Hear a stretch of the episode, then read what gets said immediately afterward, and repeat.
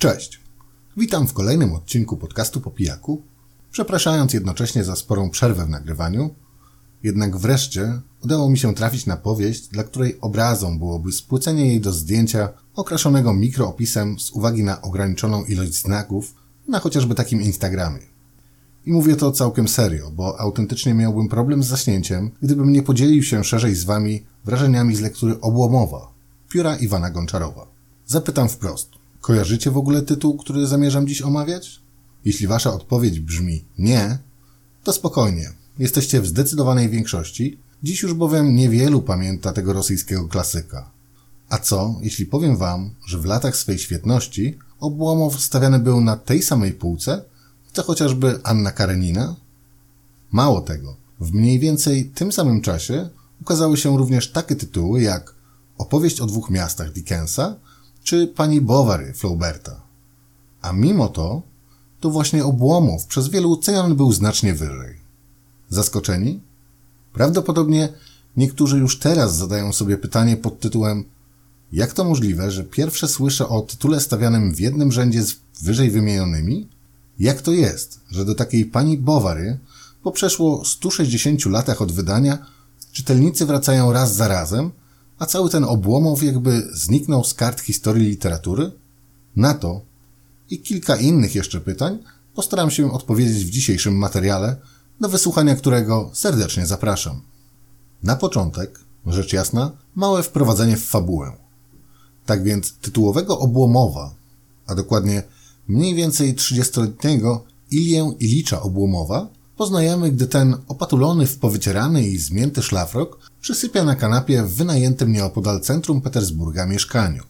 W pokoju, nie licząc wspomnianej kanapy, panuje wszechobecny syf. Tak, powiem syf, ponieważ trudno nazwać to po prostu bałaganem. Brudne zasłony, tumany kurzu wyzierające z każdego kąta, co tam zresztą kąta. Warstwy kurzu zalegają nawet na pozostawionej gdzieś w całym tym rozgardiaszu otwartej książce. Wszystko się lepi i ogólnie można by śmiało powiedzieć brud, smród i ubóstwo, gdyby nie fakt, że oto spokój obłomowa zakłóca wchodzący właśnie do pokoju służący imieniem Zachar. Tak, obłomow posiada własnego służącego, który czesze go, ubiera, czy nawet wiąże mu buty.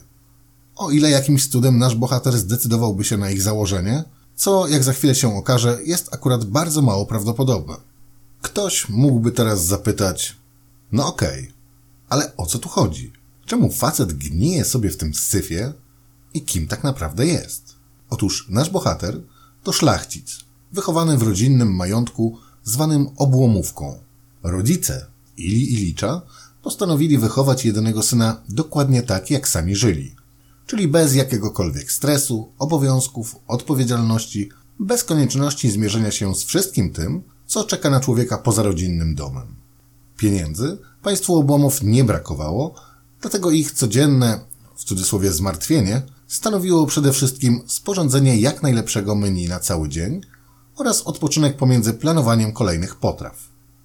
A, i modlitwy. Co za tym idzie, nasz tytułowy obłomów chowany był, mówiąc wprost, pod kloszem i na dobrą sprawę innego życia nie znał. Ideałem życia był dla niego z kolei spokój, brak chaosu, ciepło domowego ogniska oraz spożywanie wykwintnych potraw. Chcąc nie chcąc, lata jednak leciały, a młody Ilja Ilicz pobrał odpowiednie wykształcenie i wyruszył na podbój wielkiego miasta, czyli Petersburga. Tam rozpoczął pracę urzędnika niższego szczebla, w której to pracy przetrwał dwa lata, by w wyniku drobnej pomyłki zdecydować, że praca nie jest dla niego ani w ogóle dla ludzi. I tak oto osiadł na ulicy Grochowej, na którą to zaglądamy w pierwszych zdaniach powieści. Problem tylko w tym, że od czasu przyjazdu do miasta minęło już 12 lat, a od zakończenia przygody z pracą 10. W międzyczasie zmarli też rodzice Ili, a ten, w momencie, w którym go poznajemy, od lat jedynie śpi z przerwą na jedzenie, trochę rozmyśla, trochę filozofuje, generalnie jednak nie rusza się z mieszkania, a nawet z własnego pokoju. Nie widzi w całym tym tak zwanym życiu żadnego sensu. Nie jest do niego przygotowany. Życie to zakłóca ukochany przez obłomowa spokój.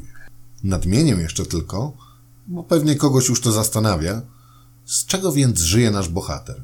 Otóż żyje z tego, co daje mu odziedziczony po rodzicach majątek w postaci obłomówki, gdzie przeszło 300 chłopów pracuje na utrzymanie Ili Ilicza w Petersburgu, przy okazji kantując go jak tylko się da, ponieważ panicz Obłomow nie ma właściwie pojęcia, ilu tak naprawdę posiada chłopów, jakie powinien otrzymywać od nich pieniądze, po ile sprzedaje się zebrane zboże itd., tak itd. Tak przy okazji uspokoję wszystkich, którzy boją się, że być może za bardzo spoileruję.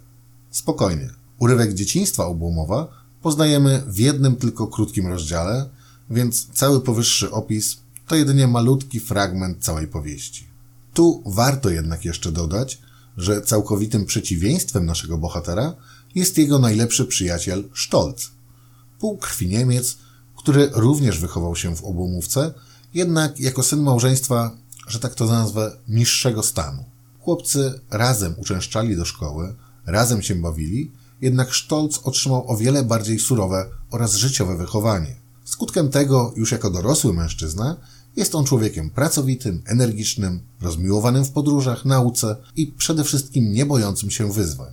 To on, jako jedyny nie żeruje na obłomowie, a wręcz przeciwnie.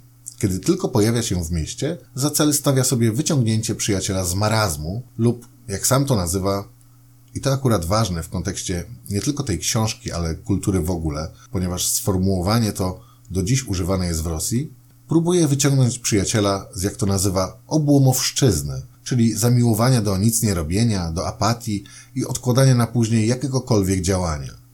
Dziś zjawisko to nazywa się prokrastynacją i choć wydaje się, że jest to wynalazek i zjawisko współczesne, to już w połowie XIX wieku Iwan Gonczarow nadał mu własną nazwę, czyli obłomowszczyzna. Okej, okay. Za momencik przechodzę już do sedna, a więc omawiania zalet i wad powieści. Muszę jednak najpierw dokończyć jeszcze wstęp, a co za tym idzie, clue pierwszej sceny, w której to zastajemy Ilię Ilicza na kanapie w całym tym syfie. Otóż zakłócający spokój swego pana służący Zachar przynosi dwie druzgoczące go wiadomości. Pierwszą jest ponaglenie od właściciela domu na Grochowej z nakazem jak najszybszej eksmisji, ponieważ budynek ma zostać przeznaczony do innych celów. Druga to list od zarządcy z obłomówki, który skarży się na nieurodzaj i prawdopodobnie dużo niższe tegoroczne zyski dla panicza obłomowa. Obie wiadomości spadają na Ilię niczym grom z jasnego nieba, bo jak to tak? Przeprowadzać się? Ale gdzie? Ale jak? Ale ile to zachodu? A przecież tutaj już tak dobrze się zadomowił. I co więcej, miałby może pojechać do rodzinnego majątku, doglądać spraw związanych z gospodarstwem skoro nie ma o tym najmniejszego pojęcia? Obłomow jest obiema wizjami dosłownie przerażony, ponieważ w głowie mu się nie mieści, by miał wykonać jakiekolwiek działanie. Dlatego też zaczyna szukać ratunku u odwiedzających go znajomych, z których większość chce jedynie skorzystać z niedołęstwa bohatera i oskubać go do suchej nitki. Ale, ale. A co, jeśli na horyzoncie pojawi się długo wyczekiwana i wyidealizowana przez Ilię Ilicza miłość? Czy choćby ona jest w stanie wyciągnąć go ze szponów obłomowszczyzny? No dobra, czas najwyższy przejść do sedna, a więc odpowiedzi na pytanie, dlaczego powieść ta uznawana jest za klasykę i stawiana była na równi z najwybitniejszymi utworami, jakie kiedykolwiek napisano, a jednocześnie dlaczego po 160 latach od premiery prawie nikt o niej nie pamięta. Zacznę może od stylu Gonczarowa, który mnie osobiście rozłożył na łopatki i śmiem twierdzić, że jest to najpiękniejsze pisanie, z jakim kiedykolwiek się zetknąłem, a już w najgorszym wypadku jest ono drugie po martwych duszach Gogola. Zresztą styl obu panów wydaje się niemal identyczny i choć są oczywiście gusta i guściki, to na moje oko nikt nie pisał piękniejszym językiem. Finezja i lekkość w budowie zdań, klasa w wyrazie całości, to jest coś, czego nie sposób się nauczyć. To po prostu trzeba czuć mieć w sobie taki instynkt, który pozwala, by każde słowo w każdym zdaniu, a następnie każde zdanie na kolejnych stronach, strony w rozdziałach i tak dalej, były po prostu idealne, miały swój rytm, żyły, dosłownie żyły na kartach powieści. I o ile umiem się tym zachwycić, to jest to coś, czego nie potrafię nawet opisać w marnej recenzji. Ba, gdybym potrafił, sam pewnie pisałbym książki. Jednak nie potrafię. Co za tym idzie, a właściwie wiąże się nierozerwalnie z pięknym językiem, to umiejętne dawkowanie emocji czy pokazywanie różnych ich odcieni. Bo jakim tak naprawdę utworem jest Obłomow? To tragikomedia w pełnej krasie. Bardzo tragi i bardzo komedia. Komiczne są zmagania głównego bohatera z życiem, jego nieporadność. Komiczne są też inne poszczególne postaci, wśród których prym wiedzie służący Zachar. Zdecydowanie jeden z najbarwniejszych bohaterów. Jest on bowiem służącym, któremu nie chce się służyć. Jest opryskliwy względem swego pana, jest plotkarzem, jest leniem, który najchętniej wygrzewałby się przy piecu. A sprzątanie? Wolne żarty. Mógłbym tu przytoczyć całą tonę cytatów z wymiany pomiędzy Obłomowem a Zacharem, na czele z jedną z pierwszych, kiedy to panicz zauważa, że wszędzie w pokoju jest brud, na co Zachar, że jakże to? A co to on temu winien, że brud? Przecież nie on brud wymyślił. Poirytowany Obłomow odpowiada, że z tego wszystkiego zaraz zalęgną się pluskwy. A Zachar znowuż, że hola hola, przecież to nie on pluskwi wymyślił, to Boże stworzenia. I tak trwają te utarczki i trwają. Jest tu i tragedia. Tragedia samego Obłomowa, co róż wykorzystywanego. Są tu też zagadnienia psychologiczne znane od pokoleń i wciąż moim zdaniem trudne do oceny. I tu dochodzimy do punktu, w którym powiem, jaki jest jedyny minus tej powieści i też postaram się odpowiedzieć w jakimś stopniu na pytanie, skąd spadek popularności tej znakomitej lektury. Tak więc ja sam oceniam książkę na mocne 9, choć gdyby nie jeden fakt, byłaby to w moim odczuciu dyszka. Otóż gdziekolwiek byście o tej lekturze nie przeczytali, to w każdym źródle dowiecie się, iż dzieło życia Iwana Gonczarowa to satyra na ówczesną szlachtę, ubożejącą wskutek swego lenistwa, apatii i samozadowolenia.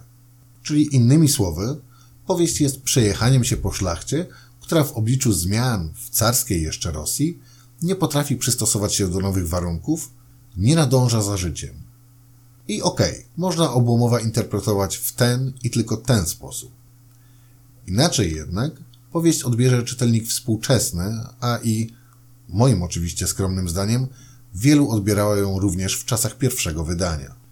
Mianowicie nie da się na to nie spojrzeć z perspektywy psychologii. Dodajmy, że w czasach wydania powieści dziedziny raczkującej. Otóż zawsze byli, są i będą na świecie tacy obłomowowie, w każdej klasie społecznej i w każdym czasie. Ba, współcześnie taka postawa niejednokrotnie jest pochwalana, w sensie przyznawania się do swoich słabości, w sensie braku chęci do pogoni za wciąż biegnącym światem.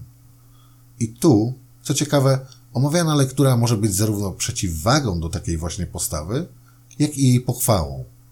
Bo, oczywiście nie zdradzając, co stanie się dalej z głównym bohaterem, czy nie szuka on swojego własnego szczęścia, mimo iż zdaje sobie sprawę z tego, że jego wizja świata i życia odbiegają od tej ogólnie przyjętej? Czy Obłomow jest faktycznie nieszczęśliwy? To bohater, o którym wszyscy dookoła powiadają, że ma złote serce, że drugiego takiego nie znają. Za to też uwielbia go Stolz, czyli jego całkowite przeciwieństwo. My, jako czytelnicy, z początku czujemy do niego, bo ja wiem, pogardę?